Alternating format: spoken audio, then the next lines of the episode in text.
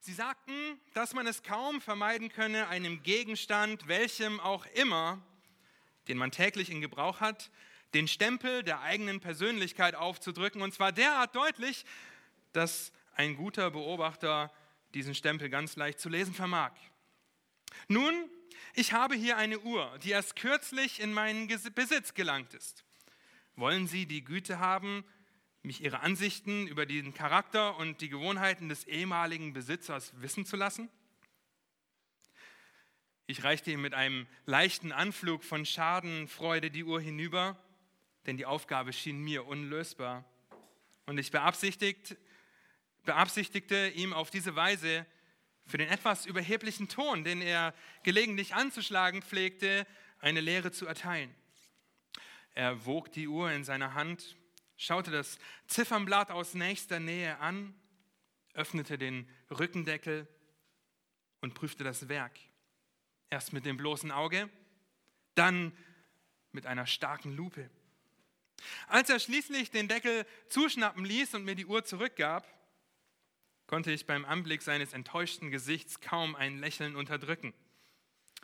Nun, die Uhr bietet nur wenige Anhaltspunkte, bemerkte er.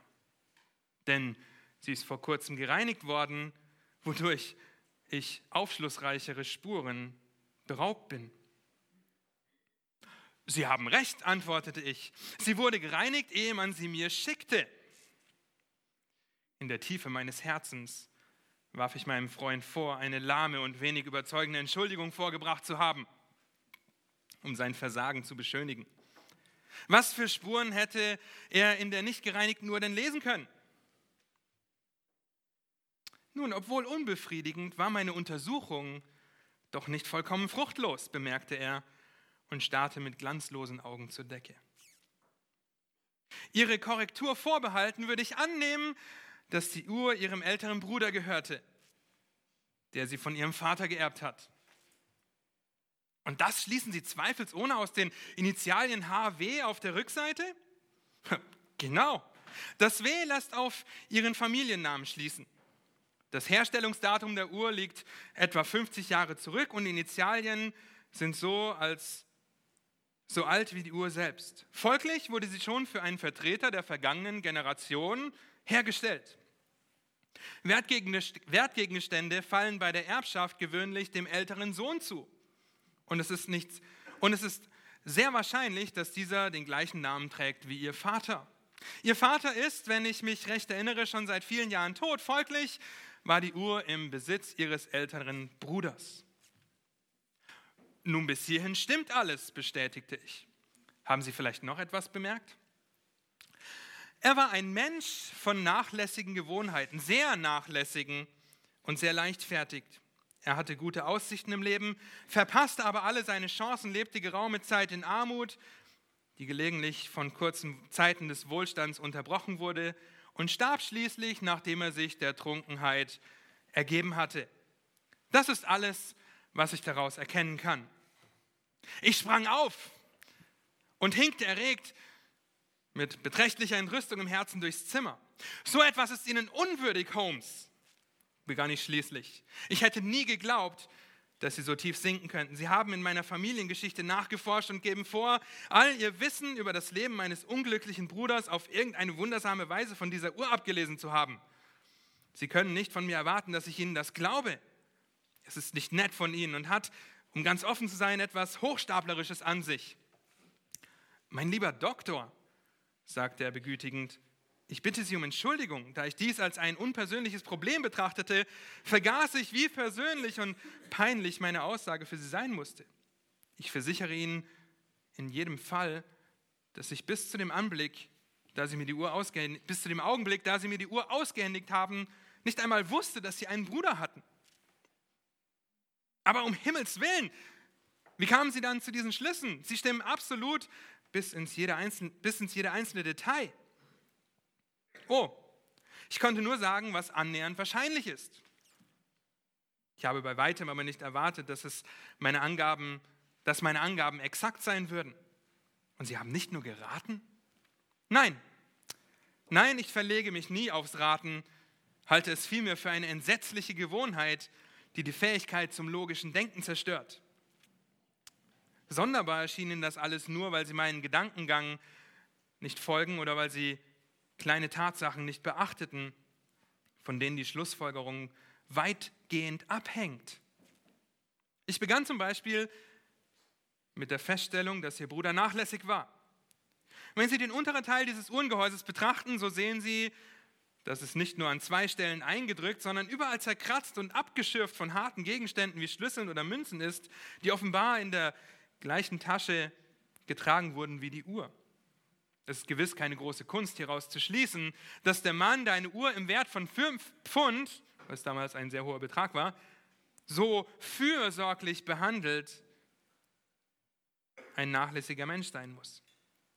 Ebenso wenig ist es eine an den Haaren herbeigezogene Schlussfolgerung, dass ein Mann, der einen Gegenstand von einem solchen Wert erbt, auch in anderen Hinsichten recht wohl versorgt sein muss. Ich nickte zum Zeichen, dass ich seinen Ausführungen folgen konnte.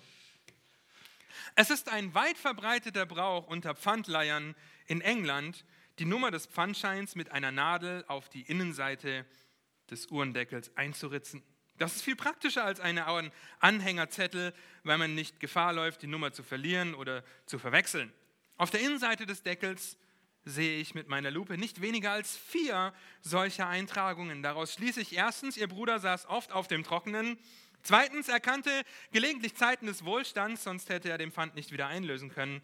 Und zum Schluss bitte ich Sie, die hintere Platte anzuschauen. Sehen Sie die unzähligen Kratzer um das Loch herum? Spuren des ausrutschenden Schlüssels. Könnte der Schlüssel in der Hand eines nüchternen Mannes solche Rillen einkerben? Die Uhr eines Trinkers wird stets solche Kratzer aufweisen. Er zieht die Uhr nachts auf und hinterlässt die Spuren seiner unsicheren Hand. Sehen Sie in diesen Schlussfolgerungen irgendetwas Geheimnisvolles? Nun, jeder, der Sherlock Holmes kennt, weiß um seine Beobachtungsgabe und weiß, wie er aus Kleinigkeiten ganze Lebensgeschichten machen kann, wie aus einer kleinen Taschenuhr. Er ist ein Meister des Beobachtens und in dieser Kunst ein Vorbild für uns, wenn ihr so wollt. Nicht in seinen anderen Charaktereigenschaften, aber er ist ein Meister des Beobachtens für uns als Vorbild, wenn es darum geht, die Bibel zu lesen und zu verstehen. Beobachten. Aber wenn ich den Text der Bibel lese, dann sagen mir doch meine Gefühle schon, was richtig ist. Wie Dieter vorhin gesagt hat, ich bestimme die Bedeutung, bis es mir passt, tüftle ich so lange an dem Text rum, dass er mir passt. Das würde es einfach machen und Gottes Wort würde seine lebendige Wirkung als zweischneidiges Schwert völlig verlieren. Wenn wir die Bibel lesen und verstehen wollen, dann ist der erste Schritt in diesem ganzen Prozess die Beobachtung. Die Beobachtung, die einfach nur fragt, was steht da? Nicht, was bedeutet das, nicht, was sagt der Text zu mir, sondern einfach nur, was steht da? werden uns mit fünf Punkten beschäftigen, zuvor aber mit zwei weiteren Themen ganz kurz sie anschneiden. Es ist essentiell und von größter Bedeutung, mit der Beobachtung des Textes zu beginnen. Wenn dieser erste Schritt nicht stimmt, dann werden wir auch zu falschen Schlüssen kommen, was wiederum zu falschen Anwendungen führt, was wiederum nicht der Wahrheit der Bibel entspricht und zu falscher Theologie führt. Ihr könnt euch die Entstehung einiger Sekten anschauen, die Gottes Wort irgendwo nicht richtig ausgelegt haben, weil sie falsch beobachtet haben, weil sie falsch herangegangen sind. Wenn wir an Sherlock Holmes denken und das auf unser Bibelstudium übertragen, dann bedeutet das für uns zuallererst, dass wir lesen, dass wir den Text sorgfältig lesen. Lesen ist die grundlegende Disziplin des Bibelstudiums. Und das Problem, das wir heute oft haben, ist, dass wir in einer bildorientierten Gesellschaft leben. Snapchat, Instagram, Memes, YouTube, der Fernseher, alles Medien, die mit Bildern kommunizieren, die die Massen ansprechen. Aber was das bedeutet? Lieben, wenn ihr mal vor dem Fernseher gesessen habt und nicht wusstet, was ihr gucken wollt, dann geht das Zap, Zap, Zap von einem Programm zum nächsten. Wenn ihr auf Facebook unterwegs seid, ihr scrollt einfach nur runter und guckt euch die Bilder an, ohne Texte zu lesen, lacht vielleicht über irgendwelche Memes, hüpft von einem YouTube-Video zum nächsten. Wir leben in einer Gesellschaft, die uns mit Bildern bombardiert, wo wir überhaupt nicht die Möglichkeit haben, uns darauf zu konzentrieren, wo wir in einer so schnelllebigen Gesellschaft leben, die keine Zeit mehr fürs Detail hat, keine Zeit mehr fürs Beobachten. Das bedeutet, dass wir lernen müssen, wieder lernen müssen, zu lesen. Hinterfrage dich mal selbst, wie viele Bücher hast du letztes Jahr gelesen? Vielleicht, wie viele Bücher hast du letzten Monat gelesen? Ja, es gibt die Leseratten unter uns, die wirklich eifrig dabei sind zu lesen. Aber dann gibt es auch die, die, wie Dieter schon gesagt hat, einen Bibelleseplan ausdrucken und drei Monate später denken, oh, da liegt ja ein Bibelleseplan. Wir tun wirklich gut daran, uns daran zu erinnern, was es bedeutet, zu lesen und wie viel wir lesen. Denn das Lesen ist die Grundlage für die Beobachtung des Textes. In einem Buch, das heißt Bibellesen mit Gewinn, da gibt der Autor neun Tipps für das richtige Lesen. Sieben davon möchte ich euch weitergeben. Wie wir richtig lesen können, wie wir den Text der Bibel richtig lesen können. Erstens, richtig zu lesen bedeutet mit Verstand zu lesen. Vielleicht kennt ihr das, der Wecker klingelt, ihr macht die Kaffeemaschine an, schlagt eure Bibel auf, noch mit dem Sand in den Augen, dem Schlafsand, lest irgendeine Stelle, schlagt die Bibel wieder zu, trinkt euren Kaffee und habt vergessen, dass ihr gerade Bibel gelesen habt. Lest mit Verstand, schalte nicht einfach auf Durchzug. Ja, zur Not macht ihr den Kaffee erst und liest dann die Bibel, wenn dir das hilft. Zweitens, richtig zu lesen bedeutet den Text mehrmals zu lesen. Gib dich nicht damit zufrieden, den Text nur einmal zu lesen und dann zu denken, ich bin ein guter Beobachter, ich weiß, was dieser Text was da steht, wie es da steht, warum es da steht. Lese mehrmals.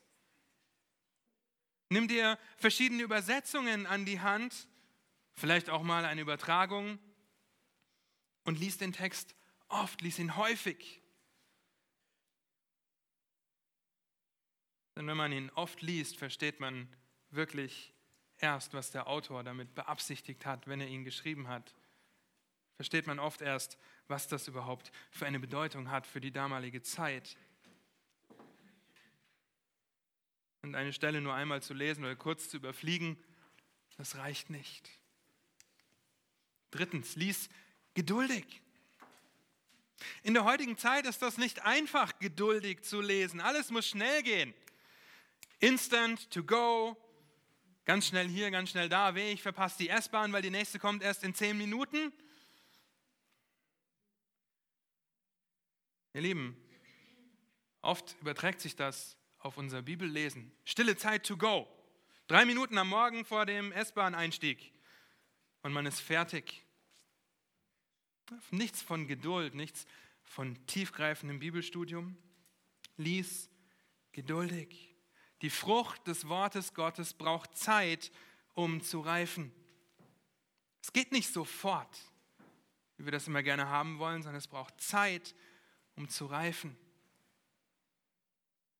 Habt schon gehört, Hebräer 4, Vers 12, Gottes Wort ist schärfer als ein zweischneidiges Schwert, ist wie ein Skalpell. Ein Arzt kommt auch nicht mit dem Schwert und macht zack, zack und die Operation ist fertig. Er kommt mit dem Skalpell, setzt es an, guckt erst, wo er es ansetzen muss, damit er auch ja den richtigen Schnitt macht. Er ist geduldig bei der Arbeit. Gottes Wort geduldig lesen lies Gottes Wort betend. Gebet und Bibelstudium sind keine voneinander getrennten Dinge. Sie gehen Hand in Hand. Und es bedarf der Hilfe des Heiligen Geistes, der uns Gottes Wort aufschließen muss, der uns dabei helfen muss, es zu verstehen und nicht nur zu lesen. Lies betend. Schaut euch die Psalmen an, wie sie durch Gottes Wort, wie sie betend die Gesetze wiederholen. Und Psalm 119 ist ein wunderbares Beispiel, wo der Psalmist immer wieder sagt, ich behalte deine Worte in meinem Herzen, hilf mir, dass ich nicht abirre von deinen Wegen. Er liest betend, er hält sich Gottes Wort betend vor Augen. Fünftens, lese nachsinnend oder denkend. Ein Zitat aus diesem Buch, Bibellesen mit Gewinn. Wenn in vergangenen Tagen jemand die Postkutsche verpasste, sagt er einfach, das macht nichts, dann nehme ich eben die nächste in einem Monat. Wenn heute jemand nicht gleich die Lücke in einer Drehtür erwischt, gerät er schon ins Schleudern. Zitat Ende.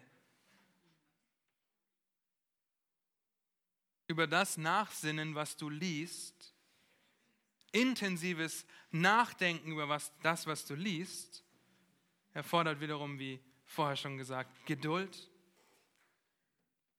Denke über Gottes Wort nach. Denke über einen Text nach. Nicht nur fünf Minuten, sondern über einen langen Zeitraum.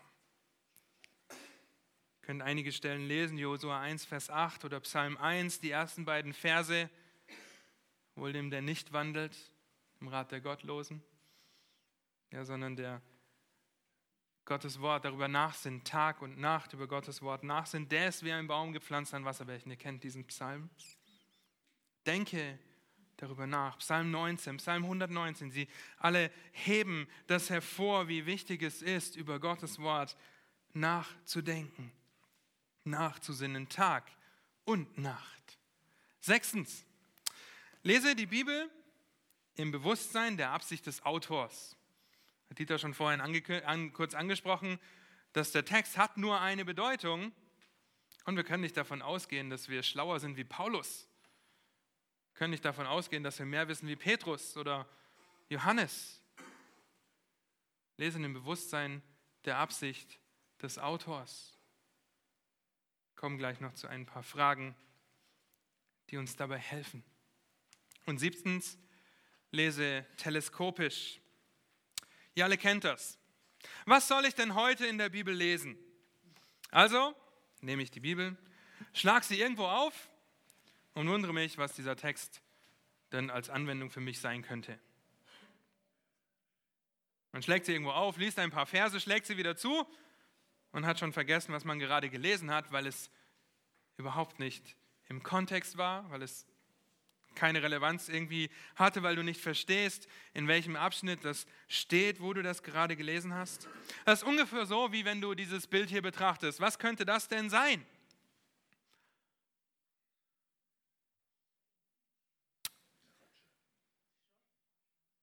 Schrott. Was ist das denn? Manchmal geht es uns so, wenn wir die Bibel lesen und manchmal müssen wir einfach nur herauszoomen, um festzustellen, dass es sich um die Handbremse eines VW Käfers handelt. Ja, seht ihr das? Hier erkennt man das nicht. Aber wenn ich den Kontext habe und sehe, hier ist dieses kleine Stückchen, das ist die Handbremse des VW Käfers, das ist doch logisch. Auf einmal ergibt das Sinn. Herauszoomen hilft, um zu verstehen, warum das da steht, was da steht. Lies teleskopisch. So wichtig, dass wir richtig lesen und nicht nur uns auf die Handbremse des VW Käfers äh, einschießen, dass wir richtig lesen und nicht nur einfach eine Taschenuhr vor Augen haben und denken, ja, eine Uhr, die sagt mir die Zeit. Aber es gibt so viel mehr zu entdecken an dieser Uhr. Und wenn wir beginnen, richtig zu lesen, dann wird es uns auch einfacher fallen, gute Beobachter des Textes zu sein, den wir studieren. Wie ein Arzt im OP, ein Chirurg, der keine Kettensäge zur Hand nimmt, um unter die Haut zu kommen, das wäre ziemlich fatal. Er nimmt das richtige Werkzeug. Er nimmt ein Skalpell, macht ein oder zwei gezielte Schnitte um dann eine Schicht tiefer zu kommen und zum Problem hervorzudringen, das dir zu schaffen macht. Er sieht einen Tumor, nimmt die Zange und reißt ihn raus. So macht das ein Arzt, oder? Hoffentlich nicht. Er schaut sich die Stelle um den Tumor herum ganz genau an, beobachtet, wo er einen Schnitt am besten setzen kann, der die beste Wirkung verursacht mit dem geringsten Blutverlust, mit dem bestmöglichen Resultat. Es ist ein sehr genaues Hinschauen. Es ist nicht einfach, ich gehe mit der Zange ran und rupfe das Ding raus. Es ist vorsichtig, gut beobachtet, ein gezielter Schnitt. Und im Bibelstudium ist es ähnlich. Wir dürfen nicht einfach die Bibel aufschlagen und einen Vers lesen und dann denken, er bedeutet Himmel was. Wir müssen sorgfältig beobachten sorgfältig hinschauen, was die Bedeutung dieses Textes ist. Da wird Pascal auch noch hinkommen, wenn es um die Auslegung geht. Jetzt geht es einmal nur um das Beobachten, zu sehen, was steht da. Einige haben vielleicht sogar ein ausgeklügeltes Markiersystem, um da besser hinterzukommen, was denn da steht. Andere lesen die Bibel systematisch durch, was eine große Hilfe ist, um einmal den gesamten roten Faden, der sich durch die Bibel zieht, zu sehen. Beobachten und lesen, das sind die ersten Schritte, um diesen Text zu verstehen, um dann zur Auslegung und dann zur Anwendung zu kommen. Beobachten ist entdecken, auslegen ist verdauen. Beobachten fragt, was da steht, auslegen fragt, was das bedeutet. Beobachten erforscht und Auslegen erklärt. Das könnt ihr in 2 Timotheus 2, Vers 15 wunderbar lesen. 2 Timotheus 2, Vers 15. Ihr kennt diesen Vers vielleicht, den Paulus an seinen Schützling Timotheus schreibt. Das ist der letzte Brief von Paulus. Ein wirkliches Abschiedswort. Und in diesem Vers heißt es, 2 Vers 15, Strebe eifrig danach, dich als Gott bewährt zu erweisen, als ein Arbeiter, der sich nicht zu schämen braucht, der das Wort der Wahrheit recht teilt. Ein Kommentator sagt zu, dieser, zu diesen Worten, strebe eifrig, oder in der Elberfelder heißt es, heißt es, befleißige dich. Da schreibt er folgendes zu, Zitat. Der sorgfältige Gläubige, in diesem Zusammenhang ein sorgfältiger Lehrer, gibt alles, um Gottes Wahrheit in seiner Ganzheit, Klarheit und Unvoreingenommenheit zu verkörpern.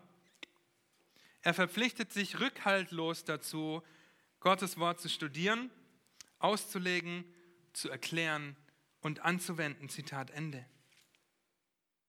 Sind wir fleißig, wenn wir Gottes Wort studieren? Sind wir gewissenhaft? Sind wir eifrig, wenn wir das tun? Oder ist das wirklich nur die zehn Minuten stille Zeit am Morgen? Und am Ende dieses Verses findet ihr die zwei kleinen Worte recht teilt. Eine andere Übersetzung dieser Worte ist gerade schneiden. Um Gottes Wort gerade zu schneiden, müssen wir Gottes Wort kennen, was wiederum bedeutet, dass wir Gottes Wort lesen müssen. Ihr seht, wie das alles zusammenhängt. Dieses Wort würde für einen Bauern verwendet, der eine gerade Furche in sein Feld zieht. Ein Handwerker, der einen geraden Schnitt macht. Was war Paulus Beruf? Er war Zeltmacher. Ein Zelt der damaligen Zeit bestand aus vielen Teilen Leder, die durch einen geraden Schnitt so zurechtgeschnitten wurden, dass sie zusammenpassen, ohne dass das Zelt dann am Ende zusammenfällt oder undichte Stellen hat oder schief dasteht. Paulus musste gerade Schnitte machen. Und so wie Paulus gewissenhaft die Zeltstücke zurechtschnitt, sollen wir Gottes Wort gewissenhaft, eifrig, bestrebt gerade schneiden. Und dazu müssen wir Gottes Wort kennen. Wie gewissenhaft schneiden wir Gottes Wort? Wie gewissenhaft schneidest du die Wahrheit? Setzt du alles daran, es schriftgemäß anzuwenden oder holst du nur deinen geistlichen, mystischen Kick daraus? Und um dir dabei besser zu helfen, wollen wir uns fünf praktische Punkte anschauen. Fünf praktische Punkte, die uns helfen, den Text gut zu beobachten. Und das wird uns helfen, die Bibel nicht nur zu lesen, sondern sie auch besser zu verstehen. Weil die Bibel ist kein magisches Buch, das ich mir einfach über den Kopf halte und dann vor dem Feind beschützt werde. Das ist, Mystizismus, ja? das ist Magie, die von irgendwo kommt. Nein, sie ist sorgfältig vom Heiligen Geist inspiriert. Sie ist sorgfältig von ihm eingegeben und das durch Worte. Durch Worte, die einen Sinn ergeben. Durch Worte, die wir auch nur durch den Heiligen Geist verstehen können. Schlagt einmal auf, Epheser 1.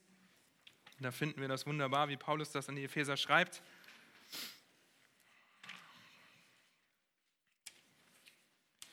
Epheser Kapitel 1.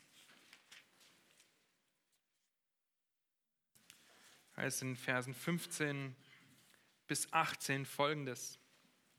Darum lasse auch ich, nachdem ich von eurem Glauben an den Herrn Jesus und von eurer Liebe zu allen Heiligen gehört habe, nicht ab, für euch zu danken in meinen Gebeten, an euch zu gedenken, dass der Gott unseres Herrn Jesus Christus, der Vater der Herrlichkeit, euch den Geist der Weisheit und Offenbarung gebe, in der Erkenntnis seiner selbst, erleuchtete Augen eures Verständnisses seiner Berufung, damit ihr wisst, was die Hoffnung seiner Berufung und was der Reichtum der Herrlichkeit seines Erbes in den Heiligen ist. Lieben, Gottes Wort zu verstehen bedeutet, Gottes Kind zu sein. Wenn du nicht gläubig bist, dann ist das die Aufforderung an dieser Stelle. Tue Buße, kehre um, lass dich versöhnen mit Gott. Durch die Gnade des Heiligen Geistes können wir Gottes Wort verstehen Sie muss gelesen werden. Sprüche 2 macht das so deutlich. Sprüche 2. Und hier ist ein wunderbares Bild dazu, das ich gefunden habe. Mein Sohn heißt es da in Sprüche 2, die ersten fünf Verse. Wenn du meine Reden annimmst und meine Gebote bei dir verwahrst, sodass du der Weisheit, sodass du dein Ohr aufmerksam auf Weisheit hören lässt, dein Herz neigst zu Verständnis, ja, wenn du dem Verstand rufst, deine Stimme erhebst zum Verständnis, wenn du ihn suchst wie Silber und ihm nachspurst wie nach verborgenen Schätzen, dann wirst du die Furcht des Herrn verstehen und die Erkenntnis Gottes finden. Silber liegt nicht einfach auf der Straße rum. Wir leben nicht mehr zur Zeit Salomos. Schätze liegen nicht einfach irgendwo rum. Sie sind verborgen. Sie müssen gehoben werden. Es gibt Schatzkarten, die dorthin führen. Und man eine Schaufel mitnehmen muss oder gleich einen ganzen Bagger.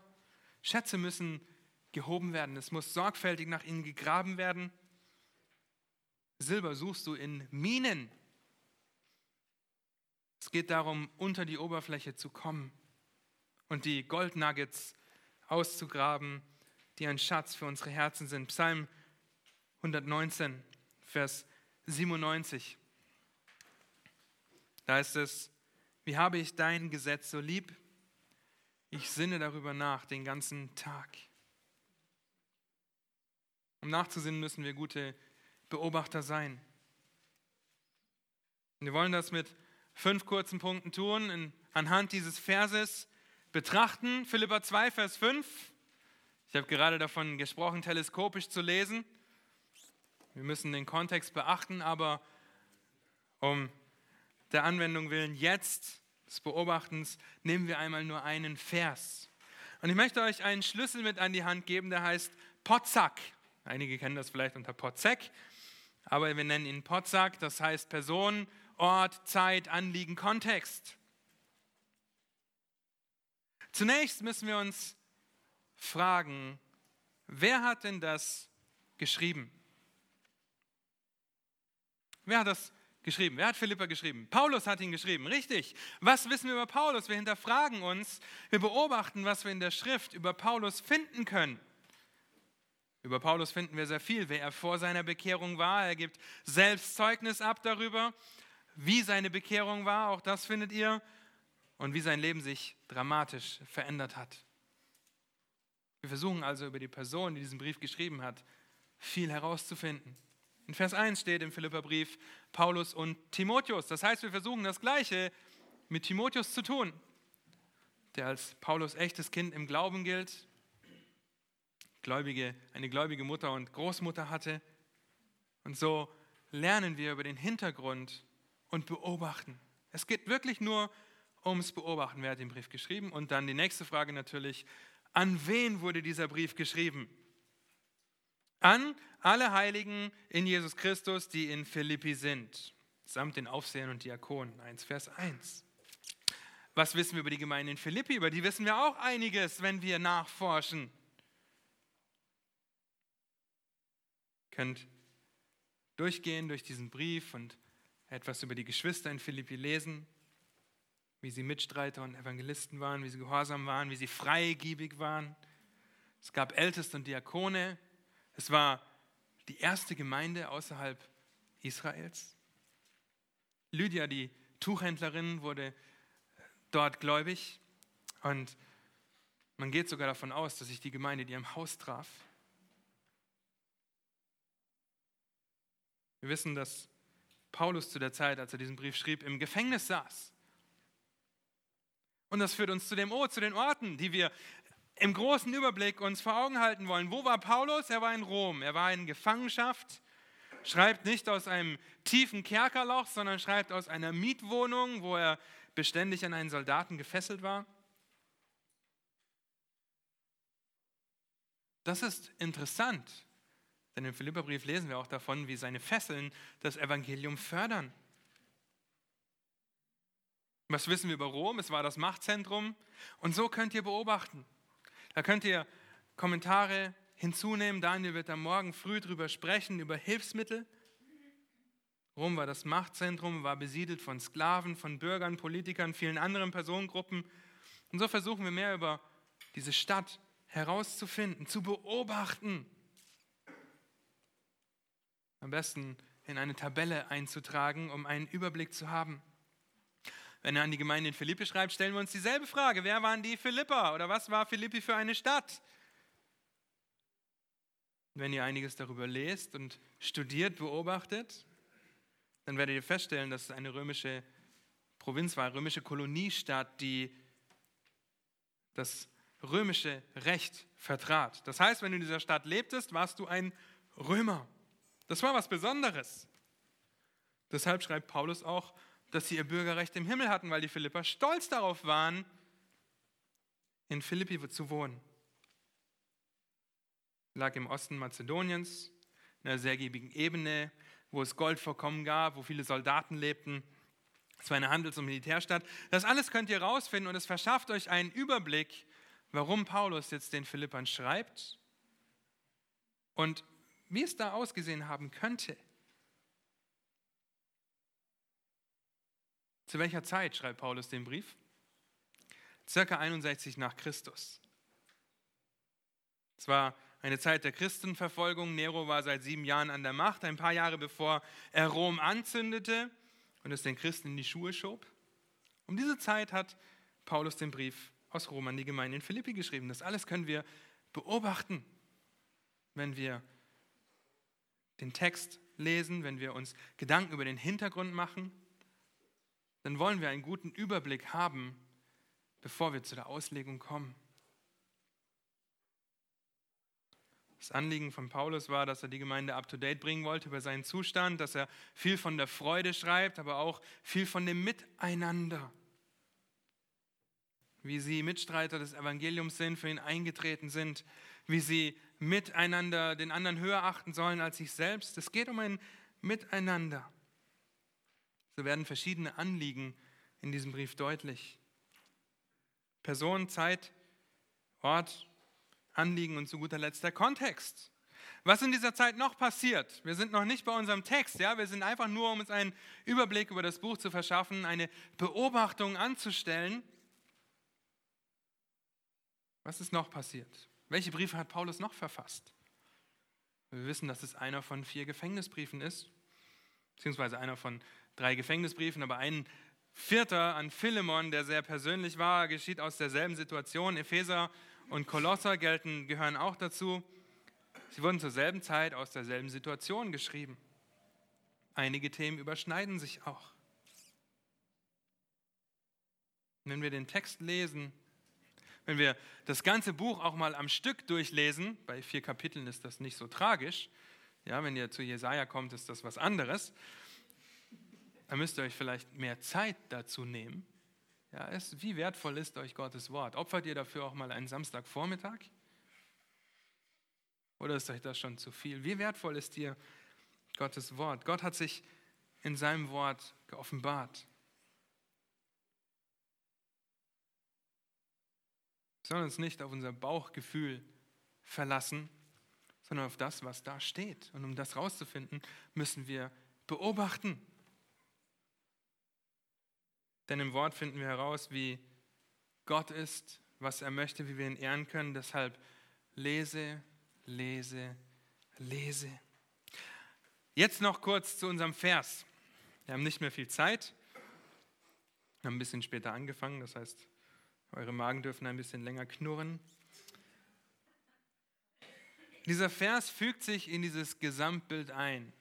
Rom zur damaligen Zeit, Philippi zur damaligen Zeit. Man gewinnt ein Bild davon, macht sich vielleicht Vorstellungen, wie die Häuser ausgesehen haben könnte, weil man heutzutage auch im Internet einfach nach Bildern gucken kann aus dieser Epoche.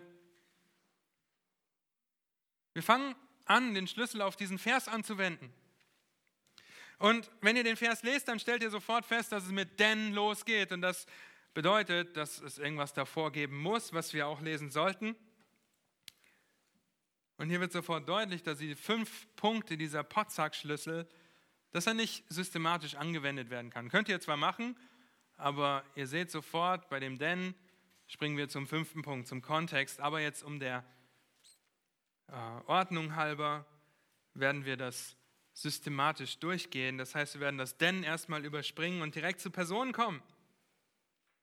Welche Personalpronomen finden wir in diesem Text? Da steht ihr und Christus Jesus. Das sind zwei Personen, Personalpronomen oder Namen für Leute. Könnt ihr auch äh, später in Kapitel 2 noch über Epaphroditus lesen, Timotheus. Dann fragen wir uns natürlich, was wissen wir über diese Leute? Was können wir in der Bibel beobachten? Ihr nun, wenn da jetzt nicht Philippa 2, Vers 5 drunter stehen würde und ihr eure Bibel nicht kennt, dann wäre ihr schon ein großes Fragezeichen. Mit ihr sind logischerweise die Philipper gemeint. Und Jesus Christus, ihr Lieben, wenn wir uns darüber Gedanken machen, wer Jesus Christus ist, was er getan hat, dann müssen wir auch da gut beobachten. Wir dürfen nicht zu schnell dahin springen, dass wir sagen, kenne ich schon, weiß ich alles, muss ich nicht nochmal hören. Ja, Christus, mein Retter, mein Heiland, ist okay. Mehr muss ich auch nicht wissen. Über Jesus gibt es so viel in der Schrift. Das geht in 1. Mose 3 los. Beobachte, finde heraus, was du über Christus weißt. Und wenn sie heißt, denn ihr sollt so gesinnt sein, wie es Christus Jesus auch war, dann könnt ihr direkt weiterlesen, denn da wird beschrieben, wie Jesus Christus war und was wir über ihn herausfinden können. Einfach nur beobachten und allein schon dadurch ermutigt werden. Zu sagen, kenne ich schon, was ihr vielleicht hofft von euren Kindern hört, wenn ihr sie in die Kinderstunde schickt. Ah, die Geschichte von David und Goliath kenne ich schon. Oder zu sagen, ich weiß doch schon alles darüber, das ist der Tod für Lesen und Verstehen der Bibel. Wir uns dann über die Autorität der Schrift erheben.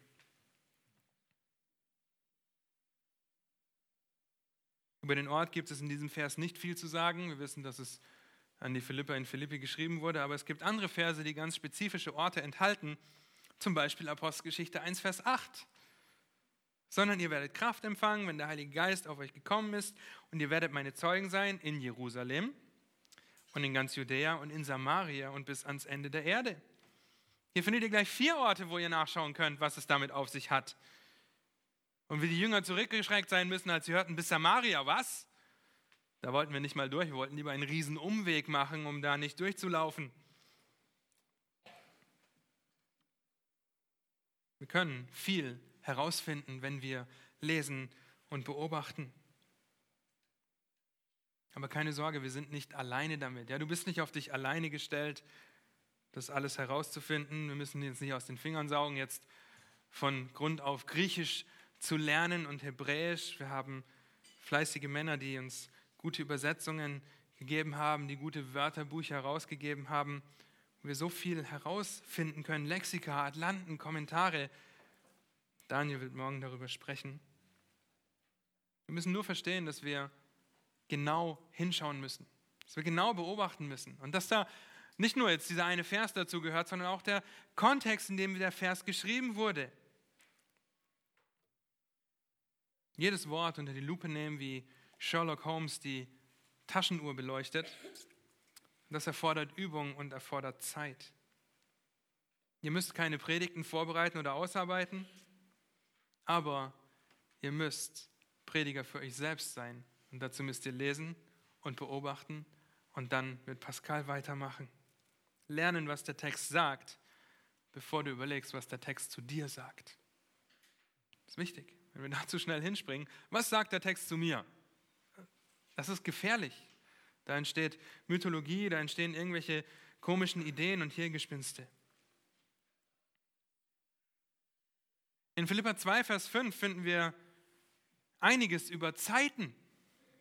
Interessant, oder?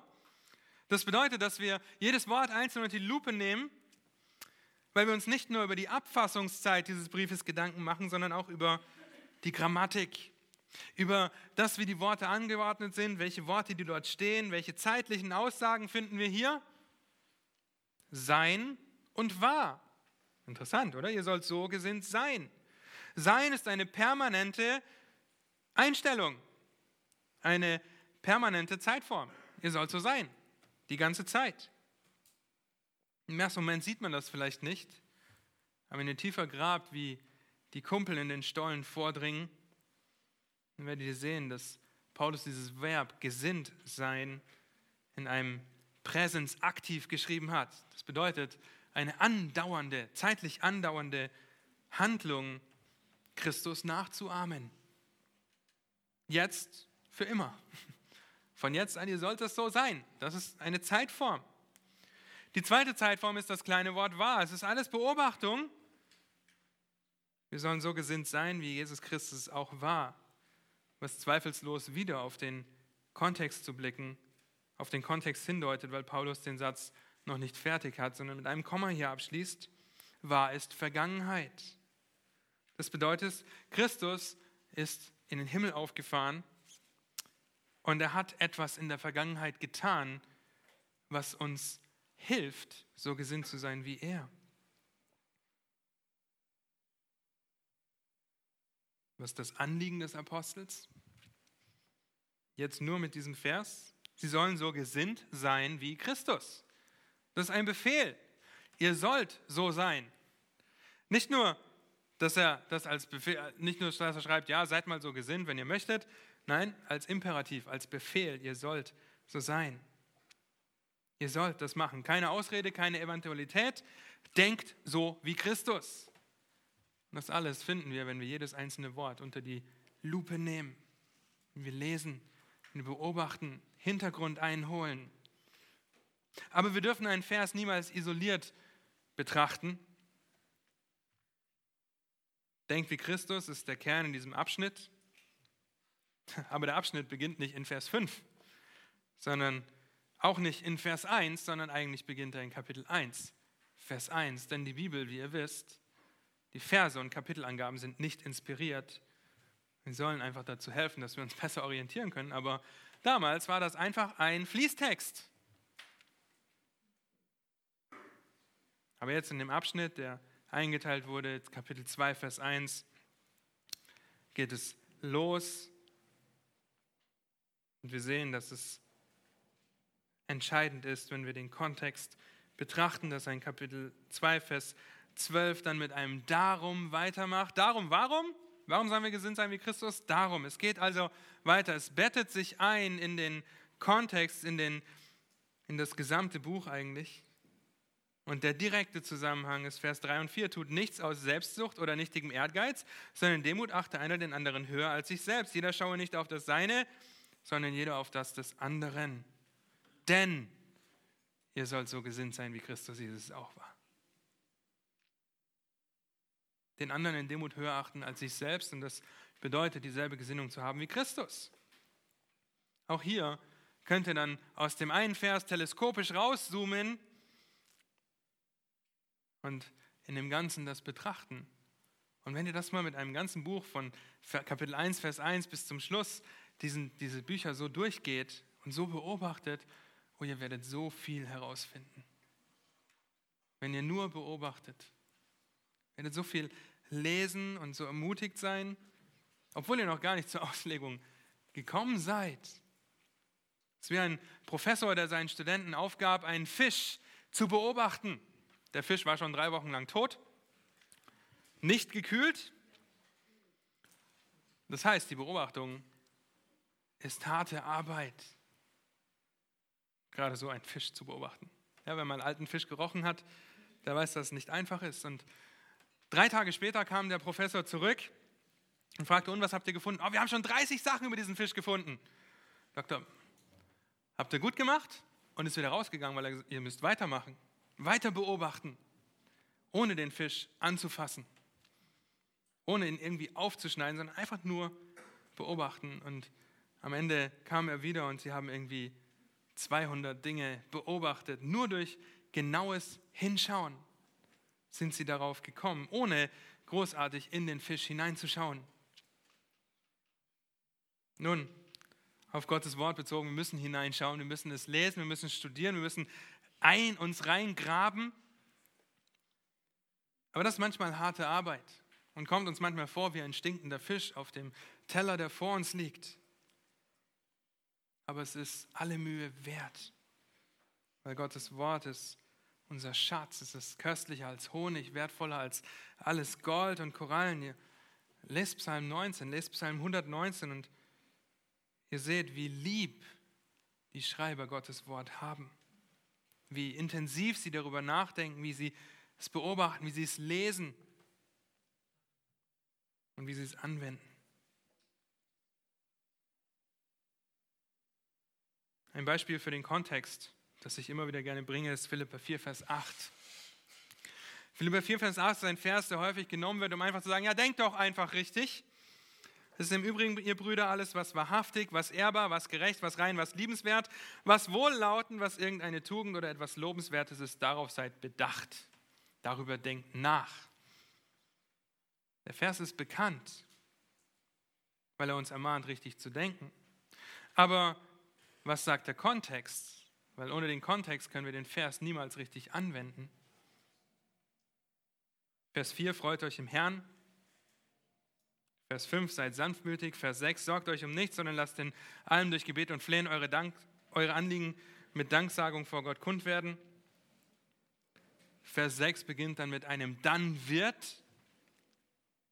Dann wird der Friede Gottes, der allen Verstand übersteigt, eure Herzen und Gedanken bewahren in Christus Jesus. Und die Konsequenz davon ist, dass wir dann richtig denken können, weil unsere Gedanken, unser Herz bewahrt wird. Das ist Beobachtung im Kontext. Einen Vers nicht einfach auf dem Kontext nehmen, ja, Im Alten Testament gibt es sehr häufig, dass wir einfach Verse nehmen, weil sie ermutigend scheinen. Aber sobald man in den Kontext guckt, ist das eigentlich nur Gerichtsbotschaft. Dann denkst du, okay.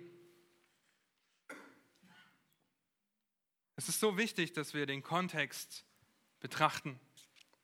Deshalb ist es so wichtig, dass du nicht einfach deine Bibel aufschlägst und dir überlegst, oh, was lese ich denn heute? Und Adlerauge, hier bin ich heute. Sondern dass wir systematisch vorgehen und ein Buch in seiner Gesamtheit lesen.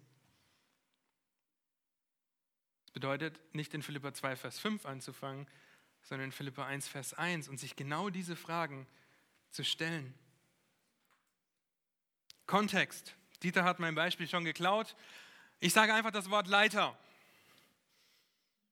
Euch fallen viele verschiedene Bedeutungen ein, jetzt vielleicht nicht mehr, weil Dieter den Leiter einer Firma genannt hat. Aber ihr benötigt den Kontext dieses Wortes. Leiter. Wenn ich euch sage, Patrick ist mein Leiter bei der Schicht bei UPS, dann würde niemand von euch denken, wenn ich diesen Satz sage, dass Patrick eine Leiter ist, auf der man hochklettert. Oder Bert ist Elektromeister. Wo sitzt er? Da hinten. Elektromeister. Und er sucht nach, den, nach dem stromführenden Leiter. Ihr Lieben, keiner würde sich einen Ältesten vorstellen, der unter Strom steht, weil er eine Gemeinde leitet. Vielleicht schon, ich weiß es nicht. Wir brauchen den Kontext, um zu wissen, worum es geht. Wir müssen den Kontext beobachten, um dann zu einer Auslegung zu kommen, die wiederum zu einer Anwendung führt, die schriftgemäß ist, die korrekt ist. Nicht nur bei Worten mit, mehrere mit mehreren Bedeutungen, sondern bei Sätzen und bei Handlungen. Sie nicht im Kontext zu betrachten, hat schon so viele zu Fall gebracht. Nicht auf den Kontext der Schrift zu achten, ist so gefährlich, weil es zur Verdrehung der Wahrheit kommt, die Gott über sich selbst offenbart. Lasst uns nicht sein wie Watson, der an einer Taschenuhr nur die Uhr abliest. Lasst uns nicht die Bibel aufschlagen, nur um die Worte, die da stehen, zu lesen, sondern lasst uns beobachten. Lasst uns fleißig sein, uns reinzugraben und wirklich zu beobachten. Wie so viele Details aus einer Taschenuhr kommen, wie viele Details kommen aus einem Vers, aus einem Kapitel, aus einem ganzen Buch. Wir sollen Schatzgräber sein, wir sollen Bibelentdecker sein, die Gottes Wort lesen, beobachten und sich in erster Linie oder zuallererst fragen, was steht da? Stell dir die Fragen, was Personen, was Orte, was Zeiten, was die Anliegen und den Kontext angeht und du wirst Schätze heben, weil du intensiver darauf achtest, was Gottes Wort sagt. Lass mich noch beten. Du großer, herrlicher, allmächtiger Gott, du Geber des Lebens, du Schöpfer aller Dinge, du hast dich geoffenbart durch dein Wort. Ja, du hast dein Wort von Anfang an verkündigt. Adam und Eva wussten, was sie tun sollten, weil du gesprochen hast mit Worten, die sie verstehen konnten. Habt du Dank dafür, dass wir dein Wort vorliegen haben in unserer Sprache, dass es gewissenhafte Geschwister gab, die sich daran gemacht haben, dein Wort exakt zu übersetzen. Herr, hilf du uns, dass wir dein Wort lieben, dass wir es von ganzem Herzen lieben und darüber nachsinnen Tag und Nacht, dass wir beobachten, dass wir lesen, intensiv lesen, uns Zeit nehmen, nachdenken, was wir da lesen und dass wir erforschen, was der Hintergrund ist, was die Worte ja, aussagen, was da wirklich steht, bevor wir zu einem vorschnellen Schluss kommen, der nicht deinem Wort entspricht. Herr, wir beten von ganzem Herzen, dass du uns bewahrst vor Unverständnis oder vor Fehltritten. Wir beten, dass wir eifrig danach streben, uns dir als bewährt zu erweisen, dass wir dein Wort recht schneiden und dass wir die Schätze heben, die in deinem Wort verborgen sind, die so kostbar sind für unser Herz, Herr. Amen.